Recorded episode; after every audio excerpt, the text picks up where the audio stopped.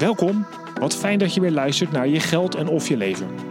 De podcast met als doel om 10 miljoen mensen te inspireren betere keuzes te maken als het gaat om geld en je leven. Ja, en vandaag de 125ste aflevering van Je Geld en Of Je Leven. En gelijk met een nieuwe opzet. Want zoals je misschien gemerkt hebt, van de zomer waren er geen nieuwe podcast. En dat komt omdat ik nu met thema's ga werken. Dus elke maand krijg ik een thema en daar belicht ik geld en het leven in. Nou, en ik begin gelijk goed. een heel belangrijk thema voor iedereen, waar we het vaak over hebben tijdens feestjes, partijen, hè, als we weer in de kroeg zitten. Pensioen. Wie heeft het er niet over? Ik denk niemand. Maar dat zouden we wel vaker moeten doen. En ik ga daarom praten met uh, twee gasten. Hans Spee is van Prio Pensioenadvies. Hij is pensioenadviseur. En ook niet onbelangrijk, hij is gitarist in de tribute band van U2 in Nederland. Hans, leuk dat je er bent. Ja, dankjewel. Leuk. En aan de andere kant zit, of daarboven zit voor mij in beeld, Robin Seets. Nou, voor veel luisteraars vast bekend. Hij is de welbekende host van de Spaar podcast. Hij noemt zichzelf pensioenbewustmaker. En hij krijgt binnenkort de sleutel van zijn nieuwe huis. En misschien is dat wel een uh, onbewust of bewust pensioenpotje. Robin, leuk dat je er bent. Ja, dankjewel Michiel, ik heb er zin in. Leuk dat ik nu bij jou te gast mag zijn. Ja, ja zeker. Ook leuk dat je er bent. Ja, en we gaan het dus hebben over pensioen. Uh, nou, moet ik altijd zeggen dat deze podcast is mede mogelijk gemaakt door NNK Vermogensbeheer. En um, we gaan het vandaag eens hebben over de geldkant van pensioen. Nou, mag ik eens beginnen bij de meest ervaren man als het gaat om pensioen in deze setting vandaag. Dat is Hans. Ja. Um, waarom is het eigenlijk belangrijk, pensioen? Ja, het gaat er natuurlijk om hoe mensen tegen pensioen aankijken. Hè? Dat is natuurlijk heel verschillend. Sommige mensen zeggen: pensioen is voor mij dat ik met 65, 66 of 67 stop. Helemaal stop met werken. Ja. ja, en als je stopt met werken, dan heb je geen inkomen meer vanuit je werk. Dus dan zul je het uh, zelf uh, moeten doen. En er is wel iets van de overheid, maar dat is natuurlijk een heel ander pensioen als het pensioen wat je opbouwt bij je werkgever als je daar in dienst bent. Dus ja. Uh, ja. Dus, dus uh, ja, als je dus uh, echt wil stoppen met werken op een bepaalde leeftijd, zul je zelf, als je dan tenminste, je hebt vaak vaste lasten natuurlijk en je wil nog op vakantie, dus je zult dan een potje moeten hebben waar je iets mee kunt doen. Ja, dat maar is dit is toch gewoon goed geregeld, pensioen? Ik bedoel, ik hoef me nou, geen zorgen te maken over mijn oude dag. Nou, ehm, pensioen, weet, je, weet je zelfs dat sommige werkgevers helemaal geen pensioenregeling hebben. Dus uh, als, als je als werknemer daar komt te werken, heb je in ieder geval geen pensioen bij je werkgever. Het, het wordt zo logisch gedacht. Hè? Dat, uh, kijk, als je bijvoorbeeld bij een bedrijf komt te werken in de metaal, ja, dan is dat bedrijf verplicht om zich aan te melden bij het bedrijfspensioenfonds van de metaal. Daar kunnen ze niet omheen, dat moeten ze doen. Dus als je daar werkt, ja, heb jij een pensioen van de metaal. Maar er zijn genoeg bedrijven die zich niet verplicht hoeven aan te melden voor een bedrijfspensioenfonds. Ja, en dan uh, is het niet zo uh, vanzelfsprekend dat die werkgever dan zegt van nou, ik ga voor mijn werknemers een pensioenregeling opzetten. Als ze dan niet verplicht zijn voor de CAO of dat, dat soort dingen, dan, ja, dan hoeven, ze, hoeven ze dat niet te doen. Oké, okay, uh, Robin, jij uh, bent ook heel be erg be bewust bezig met pensioen. Heb allerlei podcasts ook over gemaakt. Wat is jouw ervaring? Zijn uh, mensen van jouw leeftijd, uh, jij zit, is dat een millennial groep denk ik, waar jij in uh, bevalt? Ja, de meeste tussen de 25 en de 45 inderdaad. Ja, ja zijn, zijn jouw luisteraars en mensen die jij spreekt, jouw vrienden, jouw bekenden, zijn die bezig met of een werkgever dit regelt? ondertussen gelukkig wel, de vrienden. Nee, maar de gemiddelde luisteraar heeft geen flauw idee. gewoon echt geen flauw. Ja, mijn luisteraars dan misschien wel, omdat ze weten dat ik pensioenbewustmaker ben. Maar op het moment dat ze aanhaken, zitten ze allemaal in de fase van nog nooit nagekeken. Iedere brief die ze hebben gekregen is in linea directa de prullenbak ingegaan. Ja. ja, dus er is nog steeds genoeg uh, onwetendheid, zou je zeggen. Terwijl het, als je gewoon kijkt naar pensioen, is het simpelweg gewoon loon wat je krijgt nadat je stopt met werken. Alleen dan uh, krijg je van jezelf een deel van de overheid, deels van je oude werkgever misschien. Dus er is wel belangrijk genoeg dat je wat opbouwt, toch? Ja, dat is heel de reden waarom ik mezelf van uh, pensioenbewust maken heb genoemd. Om gewoon dat onbewuste weg te halen dat men in ieder geval weet van, oké, zo sta ik ervoor en dit heb ik wel of niet nodig. En ik denk dat het heel belangrijk is. Gewoon een stukje financiële planning, uh, nou ja, zeg 30, 40 procent van je leven misschien wel. En ja. die, kan je, die kun je relatief makkelijk regelen ook. Dat is niet, het is niet heel moeilijk uiteindelijk, alleen je zal het wel even moeten willen begrijpen. Hans, hoe komt het denk je dat, um, want ik weet nog, laat ik dan soms zeggen, mijn eh, schoonouders en eh, ouders, nou maar goed, mijn, mijn, ouders, mijn vader was ondernemer, maar die, die anderen die hadden gewoon een pensioenregeling, had je nog eh, eindloonregeling. Ja, Dus dan was het, eh, en dat was we eigenlijk zeggen, de laatste verdiende loon kreeg je 70% van, nou dan zat je altijd wel goed. ja. ja dat Dus- zijn uh, salarisdiensttijdregelingen, zo noemen ze dat. Dus die zijn gerelateerd aan het salaris wat je verdiende en aan de diensttijd die je doorbracht bij die werkgever. En ik weet niet of jullie nog mensen kennen die 40 jaar bij een werkgever hebben gewerkt. Eh, die komen steeds minder voor. Ja. En die salarisdiensttijdregelingen die waren, die waren er vroeger veel meer als dat ze er nu zijn. Hè? De, de regelingen die nu eh, vaak worden eh, eh, geactiveerd, zal ik maar zeggen, bij de werkgever, dat zijn beschikbare premieregelingen. En dan is het niet meer het salaris en de diensttijd als uitgangspunt, maar dan is de premieinleg is, is het uitgangspunt.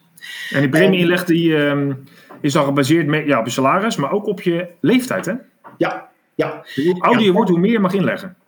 Ja, dat, dat hoeft niet, maar de, elke regeling is weer anders. Hè? Want er zijn ook eh, beschikbare premieregelingen met een vast percentage voor iedere leeftijd gelijk. Maar de meeste regelingen hebben opbouw inderdaad. Dus als je jong bent, bijvoorbeeld 21, dan heb je iets van 4%, eh ik maar zeggen, wat er ingelegd wordt. En eh, hoe ouder je wordt, hoe hoger eh, dat percentage wordt. Dus eigenlijk een stijgende premie. Hè? Raar hè, eigenlijk. Zou andersom moeten zijn, vind je niet? Nou, het is, eh, ja, het je kunt het raar vinden, maar die, pre, die, die premiepercentages zijn natuurlijk wel ergens op gebaseerd. Het is niet zo dat wij die zelf uit ons duim zuigen. Het ministerie van Financiën, die heeft natuurlijk naar die oude regelingen gekeken, middelloonregeling. En eh, die hebben gezegd van, oh, die, als je die staffel doorloopt, hè, helemaal vanaf 21 tot bij wijze van spreken 68, dan kom je ongeveer aan een middelloonpensioen. pensioen. Dus die staffels zijn niet zomaar uit de, uit de duim gezogen. Hè? Maar als we nu zo praten, dan, ik kan nog wel volgen waar het over gaat, maar ik kan me voorstellen dat dus, het is best Ja. wel lastig. Dus dat voor, wat jij hoort, ik, de, de beschikbare premie, ik vroeg er zelf naar natuurlijk, maar Ja. middelloon, eindloon, eh, weet ik veel, AOW, eh, leeftijden. Ik bedoel, mensen haken natuurlijk af, eh, omdat het gewoon te complex is. Ja, maar dat, dat is ook onze taak natuurlijk, want het heeft geen zin om allemaal hele moeilijke termen te gebruiken. Overigens, alle communicatie vanuit pensioenverzekeraars en zo, die, dat wordt ook allemaal steeds meer Jip en Janneke taal. Hè, dus ook de reglementen en de, en de overeenkomsten die er zijn, die proberen ze zoveel mogelijk af te stemmen dat het ook eh, aankomt bij de, bij de werknemers. Want dat is, dat is natuurlijk het meest belangrijke. En Ja. daarom is communicatie ook bij pensioen is een heel belangrijk onderdeel. Kijk, als ik een regeling opzet bij een bedrijf, dan is het altijd zo dat er daarna een presentatie is door mij aan de werknemers. En dan kunnen ze daarna nog vragen stellen. En ze kunnen natuurlijk ook de individueel vragen stellen altijd. Maar ja, eh, ik kom uit het onderwijs trouwens. Dus eh, ja, Oh, je bent, eh, Eh, bent een docent gelijk. ik ben sportleraar geweest, ja. En voor de klas gestaan. En belangrijk is natuurlijk dat je, als je iets wil overbrengen, dat, het, dat de ontvanger dat het wel Ja. aankomt. En ik, volgens mij is Robin daar ook erg goed in. Als ik Ja. zo'n website zo bekijk. Ja, zeker. Ja, die heeft echt gave, en een gave Ja. website. eh, de spaarpodcast.nl, als ik het Ja. goed zeg. Hè? Ja. Robin, want kun jij eens uitleggen aan de luisteraar ehm, ehm, waar, eh, hoe, hoe ons pensioenstelsel in Jip en Janneke eruit ziet? Ja, zeker. Eigenlijk heel simpel. Ik probeer alles heel simpel te houden inderdaad. Ik denk dat het hele probleem van pensioen is dat het vaak te complex is. Dus drie pijlers. De eerste is de AOW. We krijgen in Nederland best wel veel van de overheid.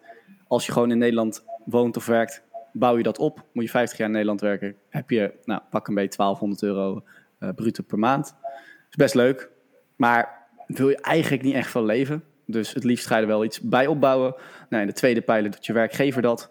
Zoals Hans al terecht zei, vroeger was dat heel normaal, maar dat is tegenwoordig steeds minder. Dat komt onder andere doordat steeds meer mensen bewust ervoor kiezen, ZZP'ers, om geen pensioen op te bouwen. Ja. Of mensen in loondienst, zoals ik, zonder pensioenregeling. Dat zijn er ondertussen ook al bijna een miljoen. Die, dus eh, het kan ook zo zijn dat je dan net te weinig opbouwt. Dus er zijn ook versoberde pensioenregelingen bij, bij werkgevers. Dus dan bouw je te weinig op. Nou, dat zit allebei in die tweede pijler. En dan heb je de derde pijler, dat is dus zelf aanvullen. Dat kan op verschillende manieren. En ehm, ik doe dat bijvoorbeeld door middel van pensioenbeleggen. Ehm, maar je, kunt ook, je kan ook gewoon zeggen, ja, ik, ga, ik ga er zelf voor sparen. Of eh, ik ga eh, zorgen dat ik lage kosten heb. Ja, dat zijn natuurlijk financiële keuzes in het leven. Maar je hebt de mogelijkheid om het in de derde pijler nog op bij te leggen. En, eh, En daar heb je natuurlijk het meeste invloed op, hè, die derde pijler. Ja, Voor een deel, hè, want ik hoorde jou pensioenbeleggen zeggen. Hè, dan kan je onder andere natuurlijk aan een lijfrente denken, waarbij jij op basis van eh, je fiscale ruimte. Nou, moeten mensen maar eens googlen of jouw podcast terugluisteren die daarover gaat. Eh, maar dan een bepaald bedrag inleggen waarbij je daar geen inkomstenbelasting nog over betaalt. Dus dat is gunstig, lijkt het. Maar heb je ook weer vast, zit je vast aan de regels. Je Ja. kunt ook zeggen, ik koop gewoon een huis ergens in uh, Hillegersbergen, Rotterdam. En eh, dat wordt wel meer waard. En dan heb ik ook per kapitaal. ja dan kom je dichter bij Michiel te wonen. Dus dat zal de huis ook weer Ja, waard dat is altijd goed zijn. voor je waarde. ja, ja, ja. Nee, dus, eh, ja, nee, eh, de huis is absoluut niet bij mij een eh, soort van... nu ga ik een huis kopen, want dat is onderdeel van een goed pensioen later. Zo zie ik dat helemaal niet. Ik wil nog steeds het heft in eigen handen nemen... en niet afhankelijk zijn van mijn huis. Ik heb ook Nee. ambities om in het buitenland te wonen. Ik weet niet wat de huisprijs gaat doen. Eh, dat is voor mij geen soort... Ik, er zijn heel veel mensen tegenwoordig al bezig met... ga ik zoveel mogelijk aflos- aflossen op mijn huis? Nou, daar zit ik nog helemaal niet. Eh, dat, dat is alleen leuk meegenomen. Ja, nou ja. Dat zou natuurlijk wel, wat jij zelf zei, eh, een van de eh, oplossingen in die derde pijler is dat je minder uitgeeft als je stopt met werken. Ja. Dat kan natuurlijk door eh, hypotheeklasten misschien te verlagen. Hoewel mijn rente is minstens zo laag. Ja. Het maakt bijna geen bal meer uit of ik nou eh 50.000 euro aflost. Dat merk je eigenlijk niet, maar goed. Nee. Maar even nog een belangrijk verschil tussen de AOW en eh, de andere regelingen. Want wie betaalt de AOW? Voor mij. Ik betaal jouw AW denk ik straks, Hans. Ja, nou, dat is dus een heel belangrijk verschil. Want het werkt via het omslagstelsel, zo heet dat. En dat betekent, de AOW wordt betaald door de mensen die werken. En we krijgen steeds minder mensen die werken. En dat betekent ook dat de AOW, eh, want je bouwt het op, zeg je, Robin, maar je bouwt eigenlijk niks op, je bouwt rechten op. Ja, je bent recht. Of je het- maar of je het ook krijgt straks op ah, hè, 7, 68-jarige leeftijd. Want die AOW die staat wel onder druk. Omdat er steeds minder mensen werken en steeds meer mensen niet werken. Dat klopt. Dus, dus dat is het verschil. En als je iets bij je werkgever opbouwt of in privé, hè, zo'n lijfrente of een andere vorm, dan is het echt iets wat je zelf opbouwt hè, en hebt opgebouwd. En dat potje, dat staat er ook echt op de einddatum. Ja. Mits je natuurlijk niet komt te overlijden. Maar dat is wel een belangrijk verschil. Ja, het is eh, ook de reden, eh, volgens mij was het laatst was de AOW met 70 euro bruto naar beneden gegaan. Het is wel de reden waardoor ik zeg, ik, wil pak het, ik neem het heft graag in eigen handen. Ja. Ik heb wel nog het vertrouwen dat ik, eh, ik, mijn pensioen duurt dus nog 38 jaar geloof ik, 39 jaar. Dan denk ik echt, waar ben je mee bezig? Je kan toch leukere dingen doen, maar goed. Ja. Ehm, Ja. Ik heb wel nog vertrouwen dat de Nederlandse overheid nooit zo hard gaat falen dat het echt heel weinig zal worden. Maar ik heb wel in mijn achterhoofd van, ja wacht eens even, ze zijn al wel echt aan het versoberen. Ja, En eh, ik zou dat ergens ook helemaal niet zo heel erg vinden. Als dat steeds meer iets versoberd wordt. Eh, dus ja. Waar- Waarom niet dan? Dat is toch lekker dat je niks hoeft te doen, dat je alleen maar hoeft te blijven bestaan in Nederland. Dat je dan AOW krijgt, is toch lekker? Ja, maar dat maakt ons ook zo. Dat, dat, dat dwingt ons ook om zo achterloos te zijn. En ik vind het wel goed dat we gewoon bewust zijn. En ik, ik vind gewoon niet dat we heel veel recht hebben op geld door alleen maar in Nederland te wonen. Want de enige reden waarom dit stelsel kan blijven bestaan, is omdat we die werkende hebben. Als iedereen maar denkt, nou ja, eh, uiteindelijk eh, zo lang mogelijk uitzingen totdat ik dat geld van de overheid krijg. Dat, dat is niet echt hoe ik het voor me zie.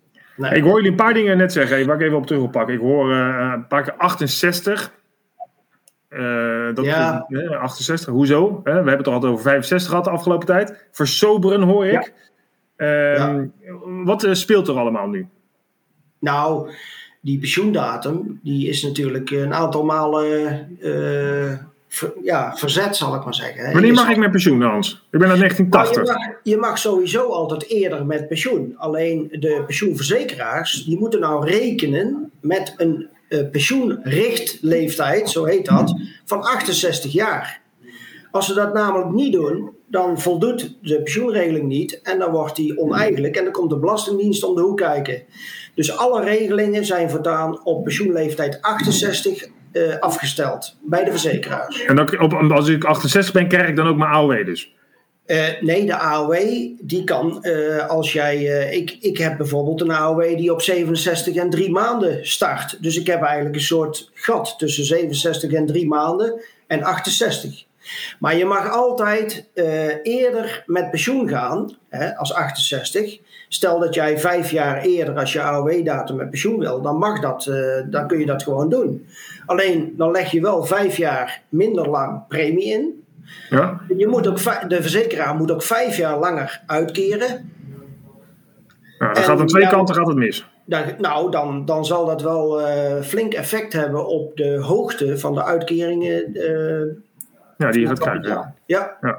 Ja, maar het mag wel.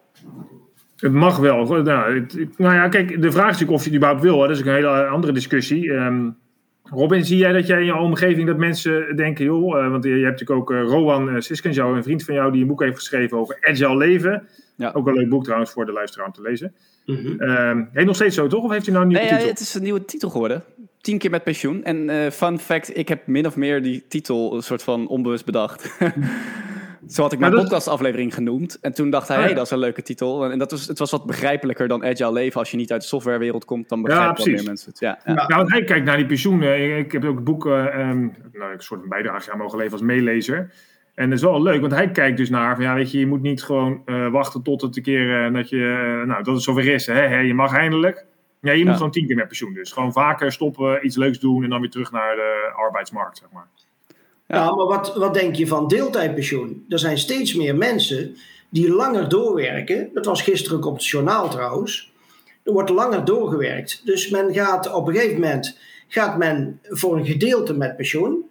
En het andere deel blijft men toch nog uh, beschikbaar voor de arbeidsmarkt. Blijft men doorwerken.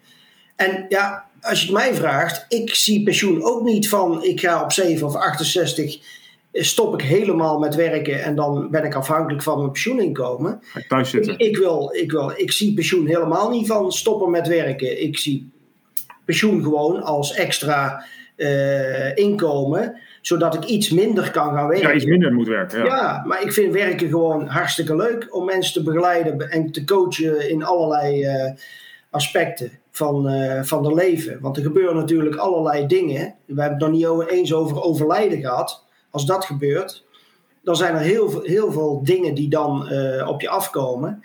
En als je het dan niet goed geregeld hebt, bijvoorbeeld het nabestaande pensioen voor de nabestaanden, ja, als je dat niet goed geregeld hebt, dan kan er echt uh, flink ja, effect hebben op het leven. Ja, en dat noteer ik ook nog even. Want ik wil toch nog even terug naar, die, naar dat parttime pensioen. Wat is dan, dan ja. stop je eigenlijk deels. Uh, en het tien keer ja. met pensioen gaan. Is dat iets wat, Robin, wat jij merkt dat, dat leeft? Hè? Je hebt natuurlijk die FIRE-beweging, heb je nog. Geloof ik zelf helemaal niet in overigens.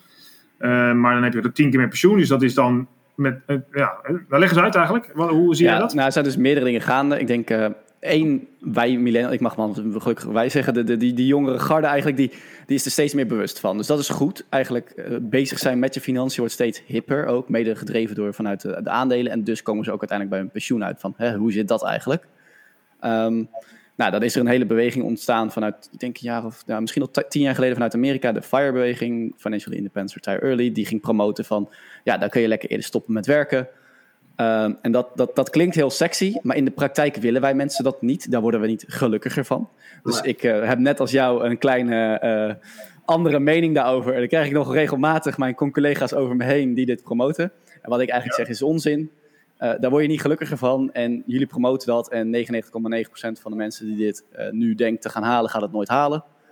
Dus wat ben je nou aan het promoten? Een soort van fata morgana. Ik weet het niet, een illusie in ieder geval. Zeker, maar dus ja. heb ik ook gezegd, dan kan je heel lang, je kan tegen heel veel tegen mensen zeggen, ja, je hebt fout, dat moet je niet doen. Maar je kan ook gewoon met een alternatief komen. Dus twee van die alternatieven zijn tien keer met pensioen, oftewel wat Rowan promoot ook. En dat is gewoon, ik ga na vijf jaar een keer een jaartje met pensioen. Past veel beter bij, bij onze leefstijl van tegenwoordig. We willen niet eerst leren, dan 40 jaar werken en dan pensioneren.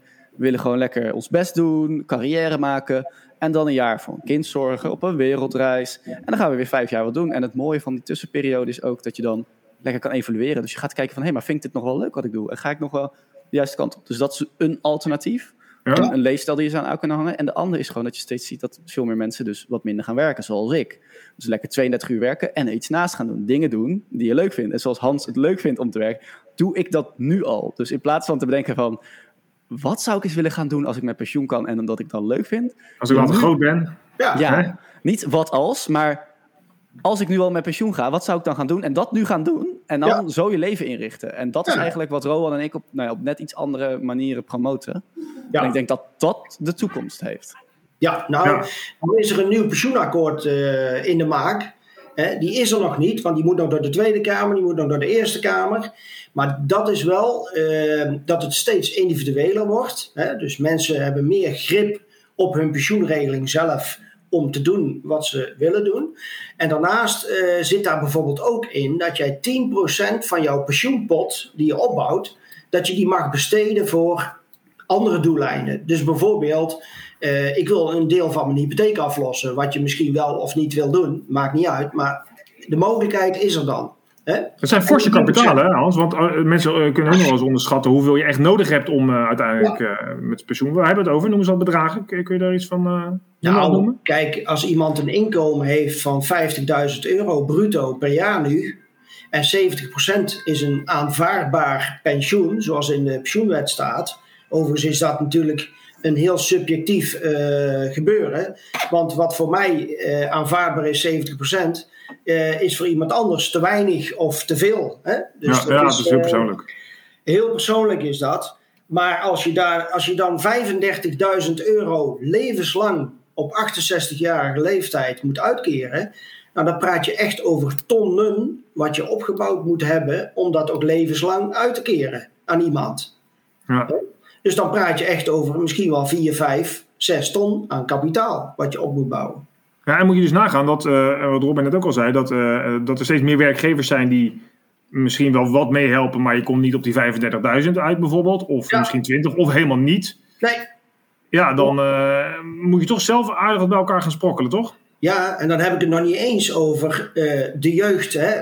ja, jeugd bedoel ik dan niet verkeerd, maar ik bedoel de jongere generatie, die heel vaak ook van baan wisselt. Hè.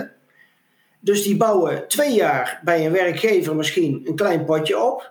Gaan dan naar een andere werkgever, die heeft geen pensioenregeling. Dan gaan ze weer naar een andere werkgever, heeft wel een pensioenregeling. En na drie jaar of vier jaar gaan ze weer naar een andere. En zo hoppen ze eigenlijk van de ene naar de andere werkgever.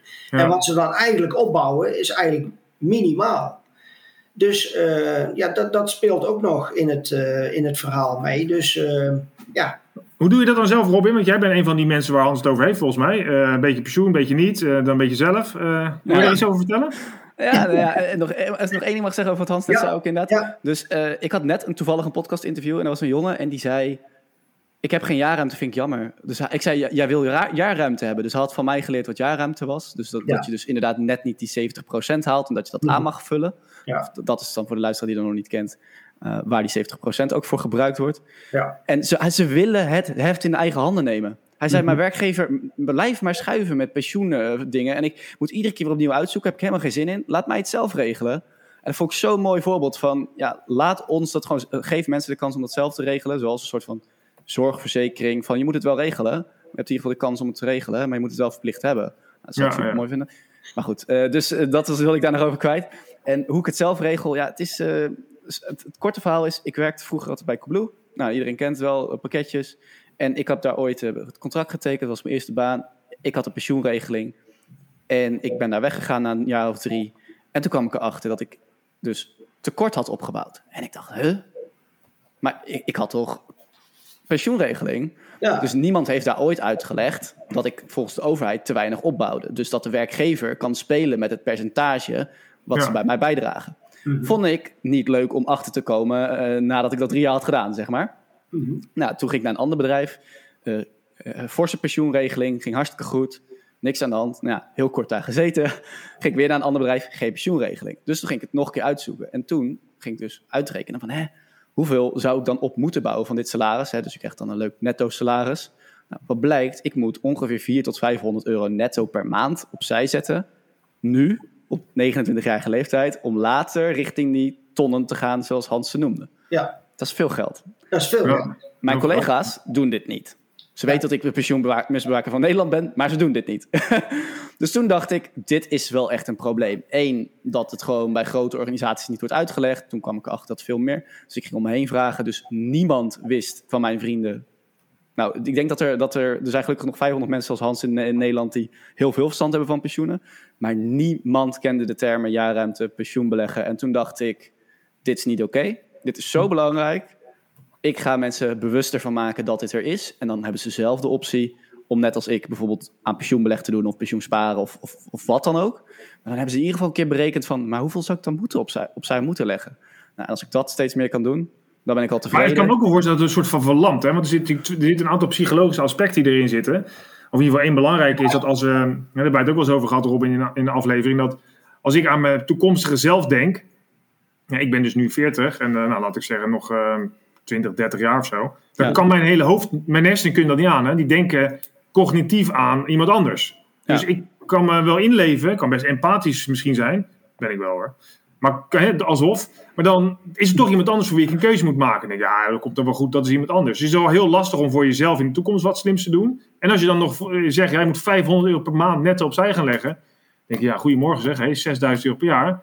Nou, weet je wat, ik ga wel lekker op vakantie. Volgend jaar probeer ik het nog wel een keer. Ik bedoel, Ja, het is maar- zo'n bedrag. Nou, Hoe, eh, Hans, hoe ga je daarmee Maar om? dat is, dat is ook het gevaarlijke. Hè? Als, als, eh, eh, er, zijn werk, er zijn werkgevers die zeggen inderdaad van... ik ga geen pensioenregeling opzetten voor mijn werknemers. Maar ik geef ze allemaal 300 of 400 euro bruto per maand aan salarisverhoging. En dan mogen jullie voor mij eh, zeggen wat de deelnemers, de werknemers daarmee doen. Die 400 bruto is ongeveer 250 netto. En die 250 netto die gaat gewoon op. En die, deel, die werknemer die gaat daar echt geen pensioenregeling voor Ja, aan. die koopt een dus nieuwe gitaar. dus eh, ja, dit- dat komt heel vaak voor. De mensen die het wel doen, oké, die, die, eh, hè, die zijn bewust van het feit van ik moet toch zelf iets gaan opbouwen. Want daar, daar, daar was het eigenlijk voor bestemd. Maar ja, de meesten zeggen van ja, ik heb netto gewoon meer. En dat, eh, dat gaat gewoon elke maand op. Ja. En dat is zijn gevaarlijk. Kijk, we zijn nog bijna aan het einde, zie ik, op mijn klokje. Er zit nog een halve minuut 79. introductie vooraf. Jongen, jongen. Ja, dat gaat veel te snel. Nou, ja, we gewoon alle Robins podcast terugluisteren, dan krijg je nog veel meer informatie. Laten we nog even in de laatste paar minuutjes. Ja, Mensen luisteren, hebben het zover gebracht. Compliment dat je nog steeds over dit onderwerp aan het luisteren bent. Super. maar geven, laten we eens even een, een, een quick win. Wat kun je doen? Dat mag van je allebei, ga ik aan jullie allebei vragen. Ja. Wat kun je nou als je je zo meteen uitzet? Wat is het eerste wat je kunt doen om je persoonlijke toekomst, financiële toekomst te kunnen verbeteren? Robin, mag ik bij jou eh on the spot? Ja, zeker. Het allermakkelijkste ant- Ik geef altijd twee antwoorden. Het eerste is, je logt per direct in op mijnpensioenoverzicht.nl en gaat een beetje rondklikken en kijken wat er voor gestallen staan. Dat is het allermakkelijkste, dat kost je twee minuten. En als je dan een uurtje hebt, dan ga je proberen om die jaarruimteberekening een keer te maken en te kijken hoe je er daadwerkelijk voor staat. En dan laat je dat gewoon even sudderen een tijdje. Dan, dan heb je voor nu genoeg gedaan. Dat zijn mijn eerste twee tips. Mijn pensioenoverzicht.nl en je jaarruimte berekenen. Oké, Ja. Hans, had je dezelfde tips? Of denk je nou, eh, het is ook slim om dit nog even te doen? Nou, mijn pensioenoverzicht.nl vind ik een hele goede tip van eh, Robin. Want daar staat gewoon het hele overzicht van de pensioenregelingen die je in het verleden hebt gehad. En ook de AOW staat erop. En ook wat er gebeurt bij overlijden. Dus dat is een erg belangrijk overzicht. Maar daar staan alleen de pensioenen op. De pensioenen van werkgever, werknemer. Daar staan niet de privézaken, die staan daar niet in. Nee. En wat mijn tip zou zijn, als je nou wat geld over hebt, en dat kan al vanaf 50 euro in de maand bij spreken, begin gewoon met beleggen. Een beleggersrekening te openen. Dat maakt niet uit of het in de lijfrente, dat die aftrekbaar is en, en het voor het pensioen is, of in de netto-sfeer, dat mag ook. Hè, gewoon dat je, dat je gewoon gaat sparen. Maar niet op een spaarrekening, want daar is de rente natuurlijk ontzettend laag. En de inflatie is al bijna 2% of 2,5%, dus dat, eh, dat levert eh, niks op. Dus, maar het moet geld zijn wat je over hebt en begin gewoon op tijd. Begin. Want hoe langer de duur eh, en, en, en zorg voor een hele gespreide belegging. Laat een vermogensbeheerder dat gewoon doen. Maar de spreiding van eh, de fondsen is gewoon heel erg belangrijk. Dus dat, Oké, dat dus dan pakken we even mijn pensioenoverzicht, jaarruimte berekenen en dan Ja. beginnen. Nou, Beginnen. dat lijkt me fantastisch. Mensen die luisteren krijgen veel vaak de vraag, ja, ken je dan iemand? Nou, ik zou sowieso Hans' gegevens en die van Robin in de show notes zetten. Dus dan kun je podcast luisteren en Hans vragen om advies als je in de buurt van hem woont of whatever, mag Hans zelf kiezen. Ja. Maar ik ken ook genoeg adviseurs die dit persoonlijke financiën eh, inzicht kunnen maken in Nederland. Dus meld je vooral. Je mag altijd antwoorden bij nnk.nl, maar ook bij een andere vermogensbeheerder. Als je maar begint. Dat is misschien het Dat is het. belangrijkste. Ja. Helemaal eens. Begin met kijken, begin met opbouwen. Ja. Het is tijd. Ik ga jullie ontzettend bedanken. Hans, veel plezier met spelen. Je hebt binnenkort een eh, concert. We gaan eh, Ja. daar horen eh, nummers die we niet kennen, maar wel van YouTube. Dus hou ons op de hoogte. Ja, Veel plezier. Ze kunnen altijd kijken op Facebook, want daar staat onze band op. Dus eh, De YouTube Tribute Band. eh, Utopia heet het. Utopia. P-I-A. Utopia. Nou, Ja. heel goed. Doe dat. Robin, jij heel veel succes met je nieuwe huis. Dankjewel. Ja, Veel plezier met klussen. En, eh, ze?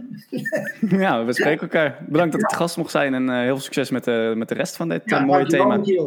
Ja, jullie onwijs bedankt. En bedankt voor het luisteren. Over twee weken komt de volgende aflevering over dit thema online. Dan spreek ik Ferry Zandvliet en Lennart Thoma, die beide eh, een hele goede reden hebben om anders naar pensioen te kijken. Het is veel meer vanuit het leven belicht. Dus eh, over twee weken gewoon weer eh, luisteren. Deel deze podcast. En eh, ah, we gaan over de 30 minuten heen. Maar dit mag ook bij dit belangrijk onderwerp. Dus nogmaals bedankt voor het luisteren. Robin, Hans, super bedankt. En Ja. jullie luisteraars. Tot snel. Graag gedaan.